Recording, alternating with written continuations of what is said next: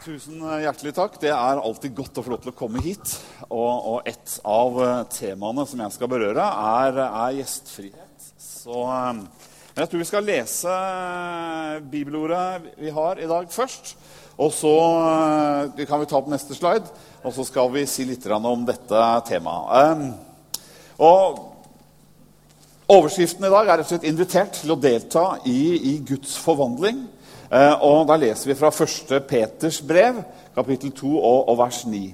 Men dere er en utvalgt slekt, et kongelig presteskap, et hellig folk, et folk som er Guds eiendom, for at dere skal forkynne Hans storverk, Han som kalte dere fra mørket og til sitt underfulle lys. Da tar vi neste bilde. Før var dere ikke ett folk, men nå er dere blitt Guds folk. Før hadde dere ikke fått barmhjertighet, men nå har dere funnet barmhjertighet. Det første jeg har lyst til å dele med deg denne formiddagen, handler om at vi, du og jeg, er invitert. Ja, Bibelen bruker et egentlig et sterkere ord, nemlig kalt. Nemlig at Gud selv kaller på oss og inviterer oss inn til hans barmhjertighet. Og da kan vi ta neste bilde. Eh, og En del av dere har sikkert vært borte i historien om Sakkeus. Hvem av dere har sunget 'Sakkeus var en liten mann, opp i treet klatret han'? Det har de fleste her. Det er nesten så vi skulle synge den nå, men uh, da tror jeg vi skulle hatt Morten til å lede, ikke meg. så, altså, vi, vi, vi, dropper den. Uh, men det handler altså om en fortelling som, som veldig mange av oss kjenner, men som mange bibelforskere sier er noe av selve kjernefortellingen i Lukas' evangelium. Jeg vet ikke om noen av dere har lagt merke til at Hvis du har lest Lukas-evangeliet, så er det sånn at Jesus veldig ofte spiser. Han spiser med tollere og syndere. Og i denne fortellingen her så inviterer han seg selv hjem på middag.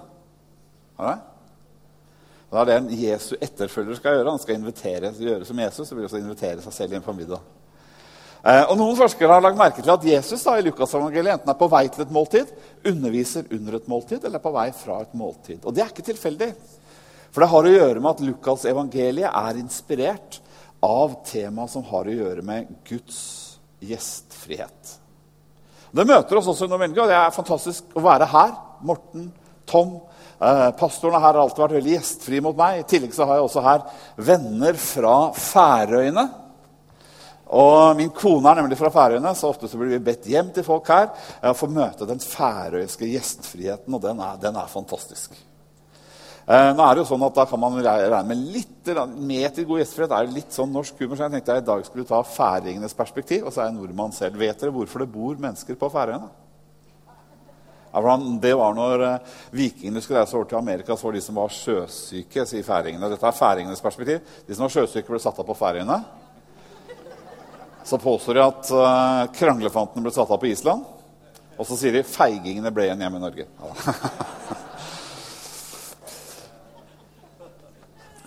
Men det er godt vi gjennom med Gud da, kan bli frimodige og, og modige. Eh, så er det jo sånn at hvis vi tenker, jeg vil gjerne skal tenke nå, hvis vi starter å nærme oss dette på et mer sånn menneskelig perspektiv sånn, Hvilke mennesker er det som du har opplevd god gjestfrihet hos. hos.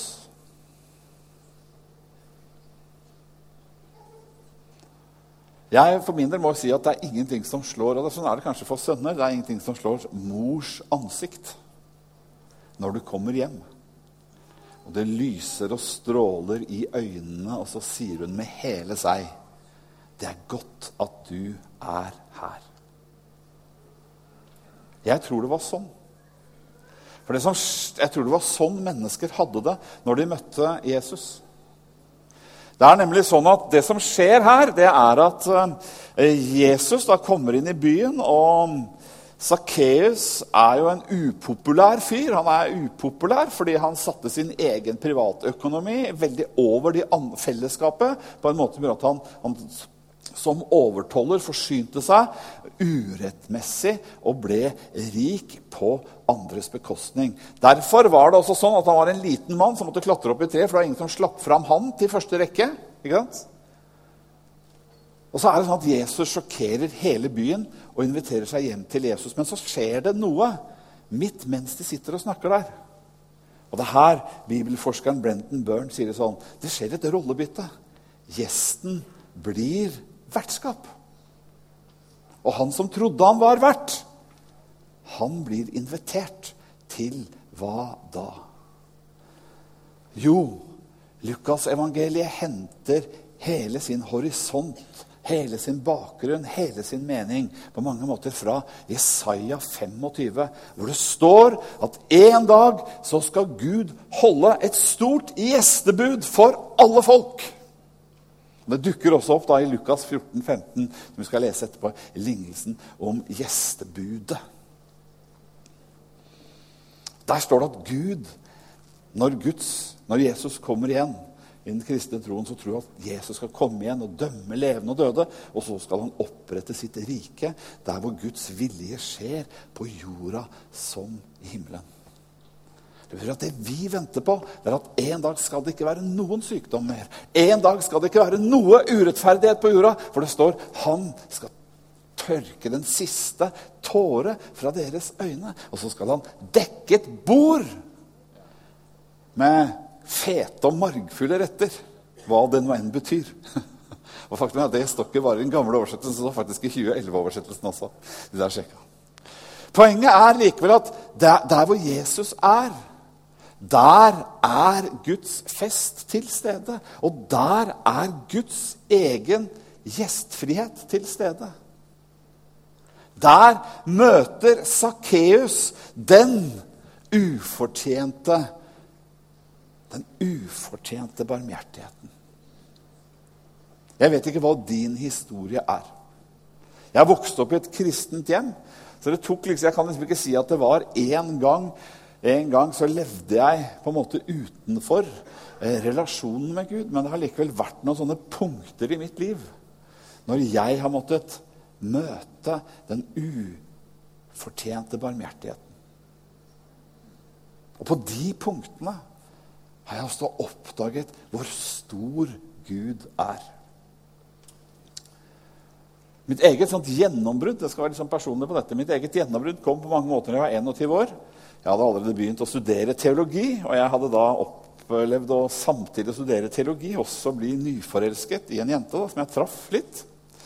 Og som en uh, overgitt ung kristen mann så overnattet jeg aldri hos henne, men jeg fant ut at jeg da i stedet kunne heller da dra opp og bruke formidagene. For hun var student, og jeg var student, og dermed så hadde vi jo mye tid sammen. Så vi brukte mye tid sammen her og der. Og du vet, når det er som forelsket, da bare, da bare flyr tiden. Wow. Men så skjedde det da, at jeg gjorde en del dumme ting. Kjente der. Jeg kjente vel også egentlig at jeg burde ha lest mer. sånn at det var veldig dumt. Jeg tenkte jeg tar det igjen på slutten. Jeg har hatt den følelsen jeg tar det til slutt. Men det som var dumt, det var at når jeg nærma meg slutten på studiet, da, så var det også slutt mellom oss. Og Da hadde jeg den opplevelsen at jeg satt der og leste. Jeg leste 10 sider, jeg leste 20 sider, men det eneste jeg tenkte på, vet du hva det var? Ja, det var det som var så trist. Så jeg går til sjelesørgeren på stedet jeg studerte, og sier at nå har jeg rota det til. Altså. Er det virkelig sånn at Gud kan hjelpe meg? Han, nå må jeg virkelig finne fram til Guds vilje. Jeg, øh, så sier hun ja, du kan velge mellom liksom, du kan prøve å finne liksom, ti nøkler til å finne Guds vilje. Eller så kan du nå på en måte søke Han, stole på Han og overlate deg til Han. Og stole på Hans nåde. Jeg hadde gjort så mye dumt, følte jeg. var så kjørt. Jeg klarte liksom ikke å tenke på noe annet. Jeg var bare én ting jeg tenkte på, det var hvor deprimert jeg var. Så jeg tenkte ok, jeg tror jeg satser på Guds nåde. Jeg tror han bryr seg, altså. Jeg hadde jo trodd Gud bryr seg om hele meg. Sånn. Men jeg tenkte, liksom, bryr, jeg visste han ville jeg skulle da komme til Guds himmel en dag. Men liksom, bryr han seg liksom om, om, om, studiene mine, om kjæresteforholdene mine? Om jeg har det, Bryr han seg om meg? Og da sier hun, sjelesørgeren min sier liksom, ja, han har jo forløst deg. Og i det så ligger det Det visste jo jeg da som teologistudent, at det handler om at Jesus døde for meg på korset. Og når han gjør det, så viser han at han bryr seg om hele oss. Så fikk jeg lov til å møte en ufortjent nåde. Og når jeg våkner neste morgen, så er det som om det kommer et ord inn i øret mitt. Og jeg har senere skjønt det er et bibelord. Der står det 'Jeg skal lære deg og vise deg den veien du skal gå. Jeg lar mitt øye hvile på deg og gi deg råd. Og så skjedde det et lite under. Og Jeg forteller det aldri til studentene mine, for jeg er jo nå høyskolerektor på Skolen for ledelse og teologi. Men det var ikke sånn at alle tankene forsvant. Men jeg, jeg skulle da forberede 20 sider av det var liksom 1200 sider pensum, og 600 sider kunne jeg sånn røftlig, for det var bibelteologi. Og så var det 600 sider om buddhisme og hinduisme og veldig masse annet som jeg egentlig ikke kunne om. Så jeg klarte å forberede 20 sider, holde et foredrag om det til medstudentene mine, og gikk på eksamen helt blank. Og visste at hvis ikke jeg får de 20 sidene, så stryker jeg. Så gikk jeg på eksamen, og gjett hva jeg fikk. Jeg fikk de 20 sidene. Sånn, jeg har lest på alle andre eksamener jeg har gjort senere. Sånn det, det, her er ikke en uh, ny studieteknikk. Jeg tror ikke Gud lar oss få en lettere reise gjennom livet. eh, som en regel. Men akkurat på det punktet så møtte jeg egentlig litt sånn ufortjent barmhjertighet. Kanskje finnes, har du din historie hvor nettopp vi opplever Guds ufortjente barmhjertighet. Skal vi ta neste slide? Her har vi, har vi også lignelsen om gjestebudet som vi allerede har delt, så vi, vi tar neste slide. vi. Det som skjer, og det er det interessante, det er jo at Sakkeus ikke bare møtte en ufortjent kjærlighet. Men han blir så berørt av det nærværet av Guds gjestfrihet som er der hvor Jesus er, at han blir forvandlet. Han sier at hvis jeg har snytt penger av noen, så skal de få fire ganger så mye igjen. Wow! Det betyr at Guds kraft er levende hvis han virkelig klarer å berøre lommeboka til folk.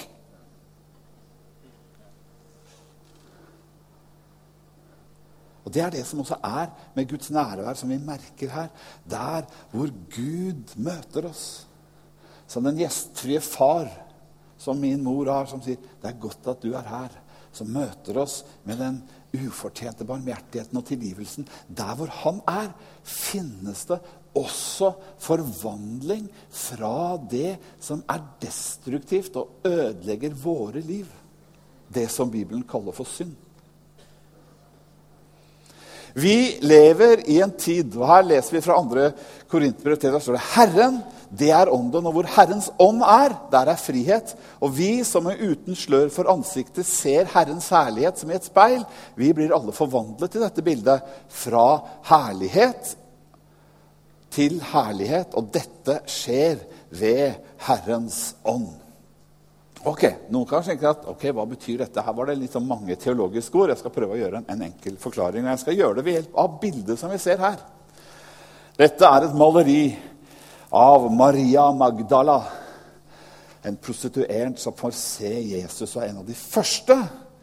Det var jo kvinnen han valgte å vise seg for først Jesus når han sto opp igjen fra de døde. Maria Magdala hadde opplevd det som ofte er en menneskelig forestilling som står sterkt, og den står veldig sterkt i vår tid, nemlig at frihet er å gjøre det vi lengter etter. Og I noen grad så er det sant, men det er bare en halv sannhet. For det hender at det vi lengter etter, den selvrealiseringsdrømmen vi har, eller andre ting vi har, noen ganger er det vi lengter etter, også destruktivt for oss. For noen uker siden, og muligens ennå, jeg skal si at Det jeg nå sier, baserer seg på at jeg har sett filmen. Jeg har ikke lest boka, men jeg har lest gode analyser, ikke minst i Relevant Magazine. Dere får gå på min Twitter-konto og se analysen der av filmen som har hatt stor oppsikt i USA, og i noen grad også oppsikt i Norge, nemlig 'Fifty Shades of Grey'. Fifty Shades of Grey er ikke, som mange tror, en type sånn lett husmorporno. Fifty Shades of Grey, som også er bestselgeren, handler først og fremst om en manns seksualitet som er så dominerende at han egentlig ikke respekterer kvinners grenser, men må leve ut sine lengsler. Det er destruktivt for ham. Og det er ikke minst destruktivt for kvinner som faller for den type menn. Maria av Magdala var en prostituert, og menneskenes begjær og lyster har ikke forandret seg så mye. Var det noen som visste noe om hva egoistisk utlevelse av egne lengsler og drømmer uten omtanke for den andre innebar, så var det Maria av Magdala. Så møter hun Jesus. Så møter hun en annen type frihet. For sann frihet er ikke bare å, å kunne virkeliggjøre det jeg lengter etter. Sann frihet er å lengte etter det som er rett og sant og godt, og som skaper et bærekraftig liv. Det er derfor kong David i Det gamle testamentet, et menneske som deg og meg, et menneske som noen ganger følger sitt eget maktbegjær og ødelegger andre, kaster seg ned for Gud og sier, 'Skap i meg et rent hjerte'. Og Så kommer profetiene i Det gamle testamentet og sier at en dag så skal Gud legge sin kjærlighet Ikke bare på steintavler, men legge det inn i våre hjerter. Og det gjør han ved å puste sin ånd i oss. Derfor er det sånn at der vi tilber Jesus, der vi kjenner at Den hellige ånd virker, der hvor Den hellige ånd også går med oss i hverdagen, der er det en sann frihet. For det handler ikke bare om å virkeliggjøre det vi lengter etter. Det handler om å bli fylt av Guds lengsler og lengte etter det som er sant og rent og godt. Derfor er det sånn at vi trenger å søke Hans ansikt. Vi trenger å se Hans ansikt. Hvorfor det? Fordi når vi ser inn i Hans ansikt, da forvandles vi sånn som Han elsket oss. Med en ren kjærlighet som ikke tenkte på seg selv, men ga seg selv for oss. Når vi med hjertets øyne får se den, da sier Bibelen, da forvandles vi til det vi ser på. Så begynner vi å elske som han elsket oss først. Det er den festen som Gud inviterer oss inn i. Skal vi ta neste bilde? Det betyr også og her er vi tilbake i 1. Peter. Han sier jeg formaner dere, mine kjære, som er fremmede og utlendinger. Sky lystne som kommer fra deres kjøtt og blod, og som fører krig mot sjelen. Lev rett blant hedningene, så de, så de som baktaler dere og kaller dere onde mennesker, kan se deres gode gjerninger og prise Gud den dagen han kommer. Jeg hadde snakket litt om frihet som ny lengsel, men jeg har lyst til å si én ting til. Det er her er det litt sånn rare at Vi er jo alle mennesker i den forstand at vi er, vi er, født her. På den samme jorda. Vi har de samme fysiske behovene. Men som kristen så er det også sånn at vi også er borgere av en annen verden. Vi er borgere av den verden som landet, det store festmåltidet som Gud en dag skal holde.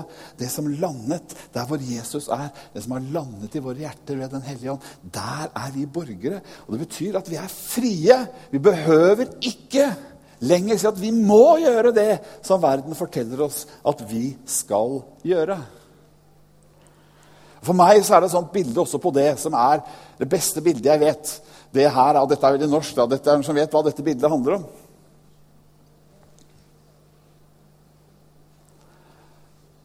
Frigjøringen.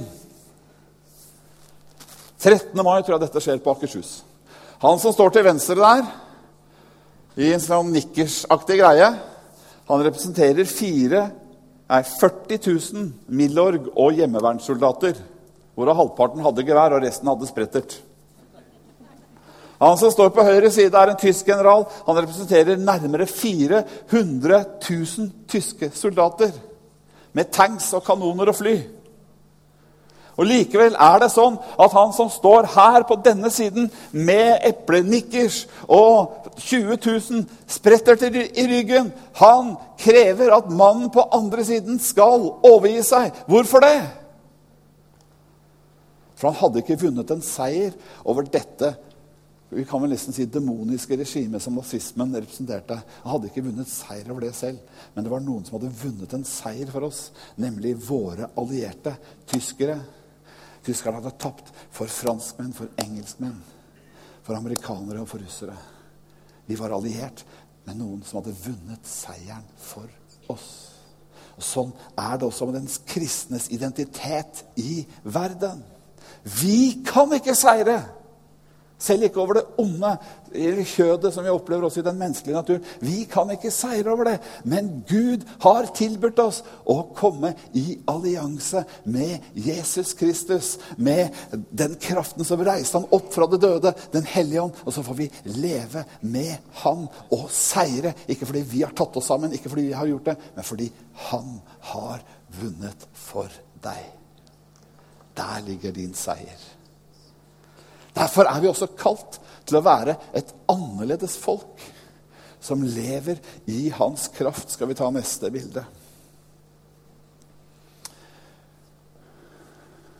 Samtidig er det sånn at dette er noe aktivt. Derfor sier Paulus i Romerbrevet 12, vers 1 og 2, så sier Paulus han sier, 'Innrett dere ikke etter en nåværende verden, men la dere forvandle ved at sinnet fornyes.'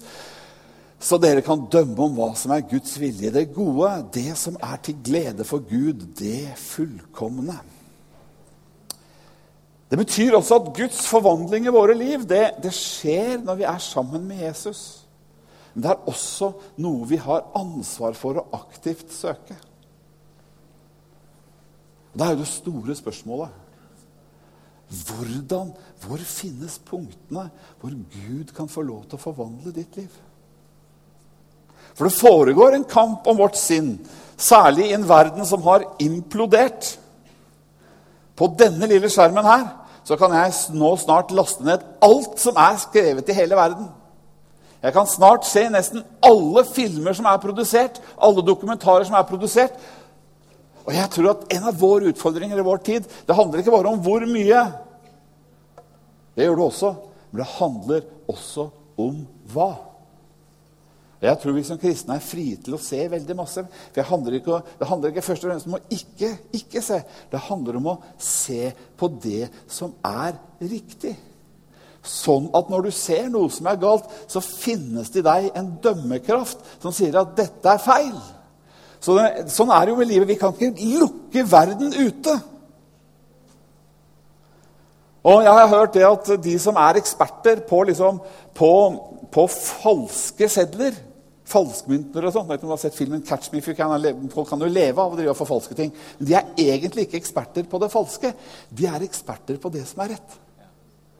For når du kan hva som er rett, da kan du også gjenkjenne det som er feil. Derfor er det helt avgjørende for deg og meg at vi finner, at vi begynner å tenke at når vi planlegger tiden vår, så planlegger vi hvem vi vil bli. Og Her er vi kanskje forskjellige også, men jeg må spørre deg, hvor er det du opplever at Gud forvandler ditt liv? Når jeg sier 'opplever' nå, så handler det liksom å, Jeg gikk på møte, og så, så kjente jeg det sterkt. Bibelen handler om at det som Gud gjør i vårt liv, da bruker han bildet om, om frukt. og Derfor kaller det åndens frukt. Og det er jo sånn at Når en bonde skal så et frukttre, så er det sånn at du sår liksom i det ene sekundet, og så står det opp igjen i det neste. Det handler om å så og så og så over tid, sier Paulus. Og Hvis vi fortsetter å så i ånden, så kommer vi til å høste i ånden når det har gått en tid. Så spørsmålet er Det er derfor det er viktig å bygge en god vane og gå på gudstjenesten her med familien sin. Det er derfor det er vinne å, fikk, å ha noen gode kristne venner som du kan snakke om bibelordet med og du kan be sammen med. Derfor er det viktig å ha noen hvilepunkter og noen hvilepunkter i livet hvor du kanskje er sliten, men kan gå og snakke med Gud og be. At det kanskje finnes et sted hvor du enten leser Bibelen eller hører prekenene til Morten på podkast, eller finner andre måter hvor Guds ord kan få være med og forvandle deg, sånn at du kan bli en ekspert på det som er godt.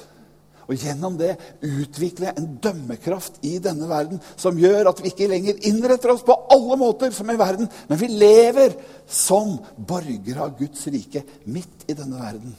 Og derfor skal vi ta neste slide. Jeg tror vi går videre til neste slide igjen.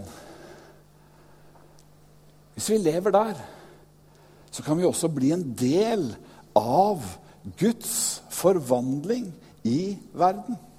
Å følge Jesus er faktisk noen ganger å være der At vi nesten inviterer oss folk hjem, men kanskje før vi, før vi inviterer oss selv hjem til andre, så får vi kanskje selv være gjestfrie. For Gud vil. Jesus har kalt oss til å følge Han og selv være vertskap for Guds forvandling i verden.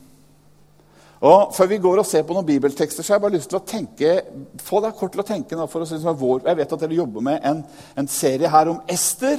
og Det handler jo nettopp om Hun var jo utlending i sitt sted, og så måtte hun være eh, likevel en person som tok ansvar og søkte fred for det stedet hun var, og, og også reddet sitt folk. Så hvordan skal vi da leve i verden? Og jeg tror dette her med å tenke om oss selv som, som gjester i verden, som, som Jesus kan bytte roller, og så invitere mennesker inn i Guds nærvær og bli vertskap for Gud, det er en god nøkkel. La meg bare kort vise et eksempel som er aktuelt i vår tid. Hvordan skal vi f.eks. møte den muslimske troen? Ja, jeg støtter Vebjørn Selbekk og andre som, som, støtter opp om ytringsfriheten. Jeg tror at det er nødvendig å stå opp for ytringsfriheten. Men likevel så er det ikke min første kristne refleks å gjøre som disse Charlie Hedboth-tegnerne gjorde. Og jeg støtter igjen, bare si jeg støtter alt det eh, altså Jeg støtter deres rett til å gjøre det. Jeg støtter all støtte rundt dette med ytringsfriheten. Men likevel er det ikke vår kristne refleks å starte kontakten med andre kulturer med en blasfemisk tegning av deres profet. Det er ikke god gjestfrihet. I vår gjestfrihet så ønsker vi jo først og fremst å få lov til å presentere Jesus. Derfor er gjestfrihet mer enn toleranse. Toleranse er at vi liksom bare lever hver for oss og bare, bare respekterer vår annerledeshet. Men det er noe med Jesus som gjør at han ikke, ikke, bare, ikke, ikke faktisk tolererer Sakkeus sitt liv, men han inviterer seg hjem, og så byttes rollene, og så inviterer Jesus Sakkeus inn i et bedre liv, nemlig et liv som er preget av Guds nærvær. Gjestfrihet betyr også, eh, også respekt. Det betyr også tenker jeg, når vi kommer i en kirke som dette her, så er det sånn selv om vi ønsker og Det er utrolig viktig, Nå er ikke jeg pastor her, men i den kirken jeg er en del av pastorteamet, så er det utrolig viktig for oss at gjester ikke skal føre at vi tråkker over integritetsgrenser. På den måten at vi tvinger deg til å være med på noe som du selv ikke har valgt. Det er utrolig viktig for oss. Men samtidig er det sånn at dette her er en kirke. Det vil si, vi kommer ikke til å slutte å tilbe. Vi kommer ikke til å slutte å be for folk. Det er hvem vi er. Men vi vil gjøre det på en måte som ikke krenker andre. Derfor var det også grenser. Jeg skal lese eh, nå går klokka, men jeg skal lese litt fra, fra, en jødisk, om jødisk bordskikk eh, på Jesu tid, som nettopp viste at man respekterte hverandres grenser. Eh, Siraks bok, som også er en del av apokryfene. Det betyr De er ikke så hellige skrifter som, som, Bibelen, men det kan være nyttige skrifter, som Luther sier. og Da kan du lese litt om hvordan den jødiske ungdommen fikk høre hvordan de skulle forholde seg til selskap. Tåler dere det i 40 sekunder? Sitter du ved et bugnende bord, så måp ikke undringe og si 'Her er det sannelig mye'. Husk at grådige øyne ikke er pent. Noe slettere enn øyet er ikke skapt. Derfor gråter det så ofte. Rekk ikke hånden ut etter det en annen har kastet sitt blikk på, og støt ikke sammen med han i fatet. La dine egne ønsker si deg hva de neste vil ha, og tenk over alltid hva du gjør. Spis som et menneske av det som settes fram for deg. Slafs ikke grådig, så du vekker avsky. Te deg dannet og er den første som slutter å spise. Stapp ikke i deg, så du vekker forargelse. Ok, vi får stoppe der. Så her ser vi, Poenget her er bare det at når vi snakker om gjestfrihet, så har vi lov til å definere noen grenser og si dette er oss.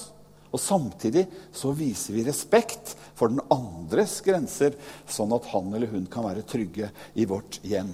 Skal vi ta neste?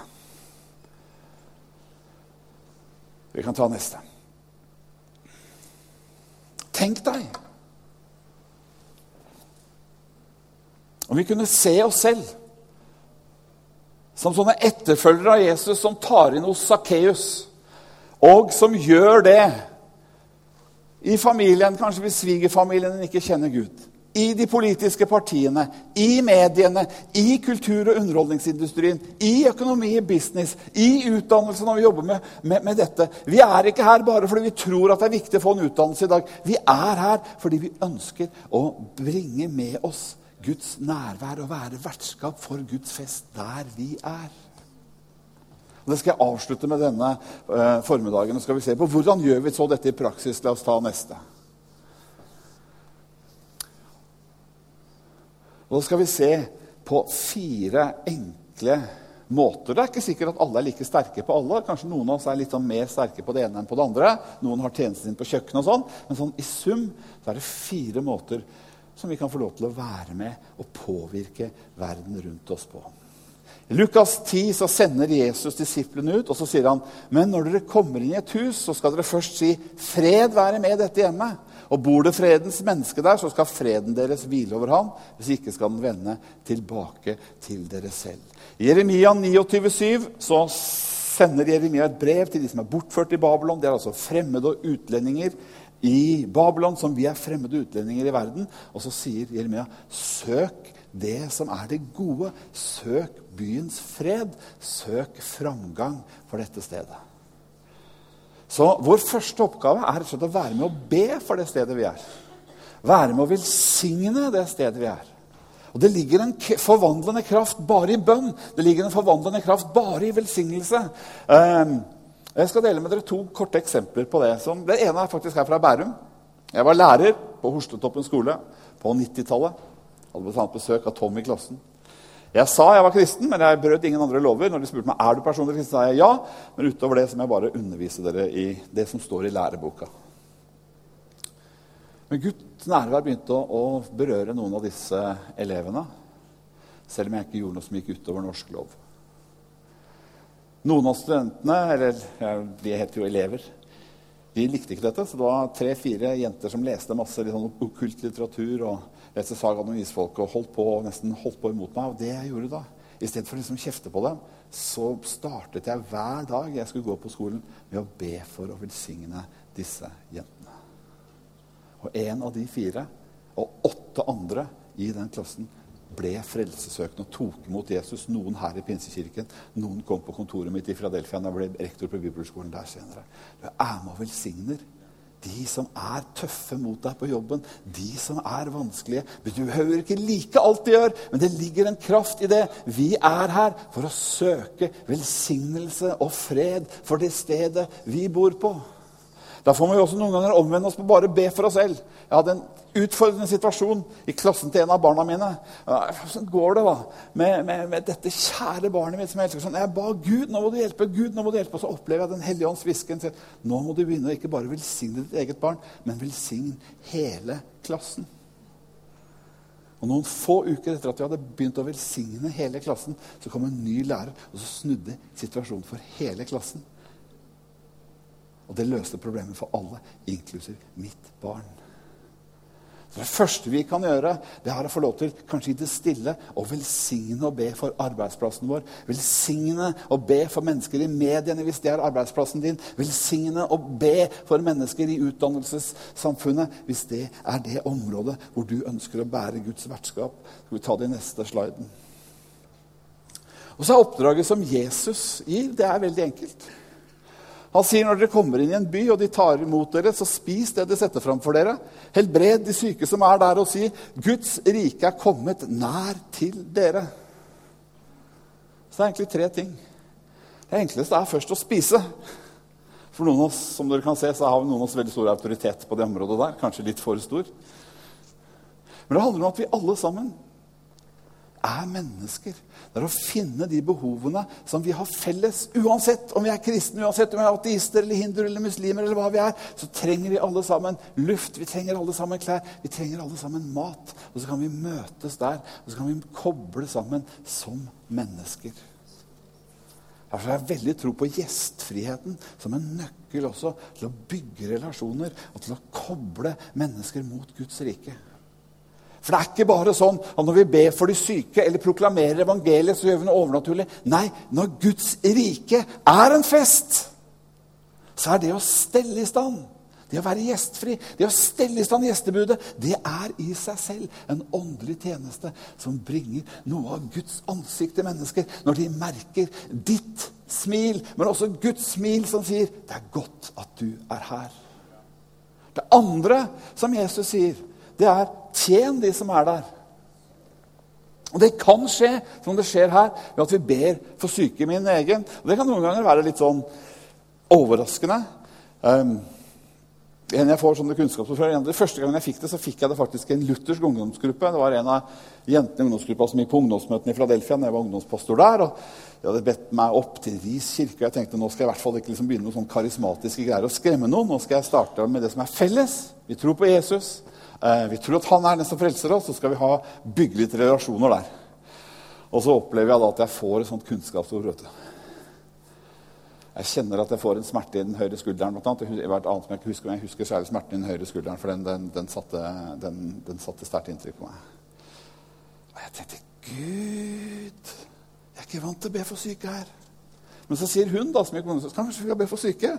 Og da kunne jeg si ja, da kan vi be for syke. Og for eksempel hvis noen har vondt i skulderen sin, så Og så er det, det er en av jentene som er der, som hadde godt gjort noe så veldig uteologisk riktig, helt feil helt teologisk feil som å be Gud med tegn den dagen når han har vært ute på trening. Vi legger hendene på skulderen hennes. Hun blir momentant helbreda. Og, og, jeg snakket med henne et halvt år etterpå. Hun var fremdeles frisk. Hun tok det som et tegn på Guds barmhjertighet. Så Noen ganger så skjer dette når vi, har, når vi har spist den middagen. Når du har begynt å dele og sett at du er et menneske, du også, så kan det hende at du på en naturlig måte kan si jeg er kristen, jeg tror på forbønn, kan jeg få be for deg? Andre ganger så kan det rett og slett skje gjennom Du gjør det som Daniel Egeli, min pastor, gjorde. Når han står ute og måker sammen med sønnen sin. Det, var, sånn, sånn, det hadde sånn snøfall. Det var noen her som måkte snø rett før påske. Ikke sant? 70 cm på én dag. Så en dag står Daniel ute og måker. Når han er endelig ferdig med liksom sin egen port, så ser han og sønnen bort på naboen. Så ser han der er det også 70 cm. Der er det også to timers jobb. Og så sier sønnen, 'Pappa, vi skal ikke hjelpe til der, da.' Han bare kjenner Guds tiltale. Så fikk han lov til å måke, og så ble det en åpning også for å få lov til å eh, fortelle evangeliet. Så det handler om å velsigne. Det handler om å spise sammen, være menneske sammen, koble på det du liker i livet. Så handler det om å få lov til å ha en tjenende holdning. Og så kommer vi kanskje til det punktet når de, de er klare for å høre at vi sier Vet du hva? Alt dette egentlig handler om, det handler om det aller beste i livet. Og det har jeg lyst til å dele med deg. Jeg har lyst til å dele den beste maten med deg. Jeg har lyst til å hjelpe deg. Men det er noe som er enda viktigere for meg. Det er å dele det aller viktigste og beste i mitt liv. Det er relasjonen til Gud gjennom Jesus. Det er det evige livet som han kom for å gi. Vil du dele det? Det er det det handler om. Det er egentlig ikke så vanskelig. Å få lov til å være en, en, en, representant for Guds rike der hvor du er, på din arbeidsplass, på det området i samfunnet hvor du er. Det handler om å få lov til å velsigne. Det handler om å koble og spise og gjøre jobben med det andre. Det handler om å være der som en som tjener de andre. Og så er det en som er klar når muligheten er der, til å dele vitnesbyrdet om at Jesus er Guds sønn og har kommet for å frelse verden. Vil du ta imot det kallet i dag? til å være et vertskap for Gud der hvor du er. Det handler om at vi tar oss sammen, først og fremst. Vi kan ikke gjøre under. Vi kan ikke forvandle menneskers liv. Men Gud kan. Derfor så starter det med Gud, og det slutter med Gud. Og det er den siste sliden vi også skal dele. Hva skjedde når disiplene kom tilbake? Jo da, de var så glade for at mennesker hadde blitt befridd fra onde krefter, og demonene hadde fart ut. Men da sier han og likevel gled dere ikke over at åndene er lyder dere, men gled dere over at navnet deres er blitt innskrevet i himmelen. I samme stund jublet han i Den hellige ånd og sa, Jeg priser Far, himmelens og jordens Herre. For du har skjult dette for de vise og forstandige, men åpenbarte for de umyndige små. Ja, far, dette var din gode vilje. Det er Guds verk. Jeg må avslutte med denne historien, som kanskje kan oppmuntre deg. Tony Campolo forteller om at han var leirprest på en tenåringsleir. På den tenåringsleiren var det en gutt som het Billy. Han stammet. Var, var, vanskelig for å si ting. Så når hver gruppe da skulle stemme fram en som skulle holde en femminutters, timinutters andakt, Så gjorde de guttene som hadde etterlignet Billy hele uka, ledd litt an i smug når de var borte, de bare på ert, så stemte de fram han som ukens andaktsholder. Billy klarte ikke å si så veldig mye, men han står opp med full troverdighet stammende og sier, 'Jesus elsker meg, og jeg elsker Jesus.' Og da faller Den hellige ånd også over de som hadde stemt han fram. Så forteller Campolo at i de neste 5-10-15 årene så møtte han ledende pastorer over hele USA og sa når ble du en kristen? Jo, det var når Billy ga sitt vitnesbyrd. Kraften er ikke fra oss, den er fra han. Spørsmålet er om vi vil leve der. Leve annerledes enn verden, bygge annerledes vaner, men være der og tjene, så Guds rike kan komme gjennom ditt liv. Skal vi også be en bønn sammen. Herre, takk, Herre, for denne kirka. Takk for kallet ditt for dette stedet. Takk for at du allerede har plassert dem i dette bygget, så de kan få lov til å forkynne din fred. Og nå ber jeg Jesu navn at du bare skal velsigne denne kirka og hver enkelt en av brødrene og søstrene mine som er her. Så vi kan ta den plassen og ta den posisjonen som du er, og invitere mennesker inn i Guds forvandlende gjestfrihet. Din gjestfrihet, Herre. Kom, Hellige Ånd, akkurat nå. Forsterk kall. Kom og legg mennesker på våre hjerter. La mennesker få se mennesker for sitt indre bilde nå, Herre, som du ønsker å berøre gjennom deres liv. Herre, vi ber. Jeg ber for brødrene og søstrene mine. Jeg ber for denne kirka. La ditt rike komme gjennom dem, Herre. La din vilje skje på jorden som i himmelen. Far, det ber jeg om i Jesu navn. Amen.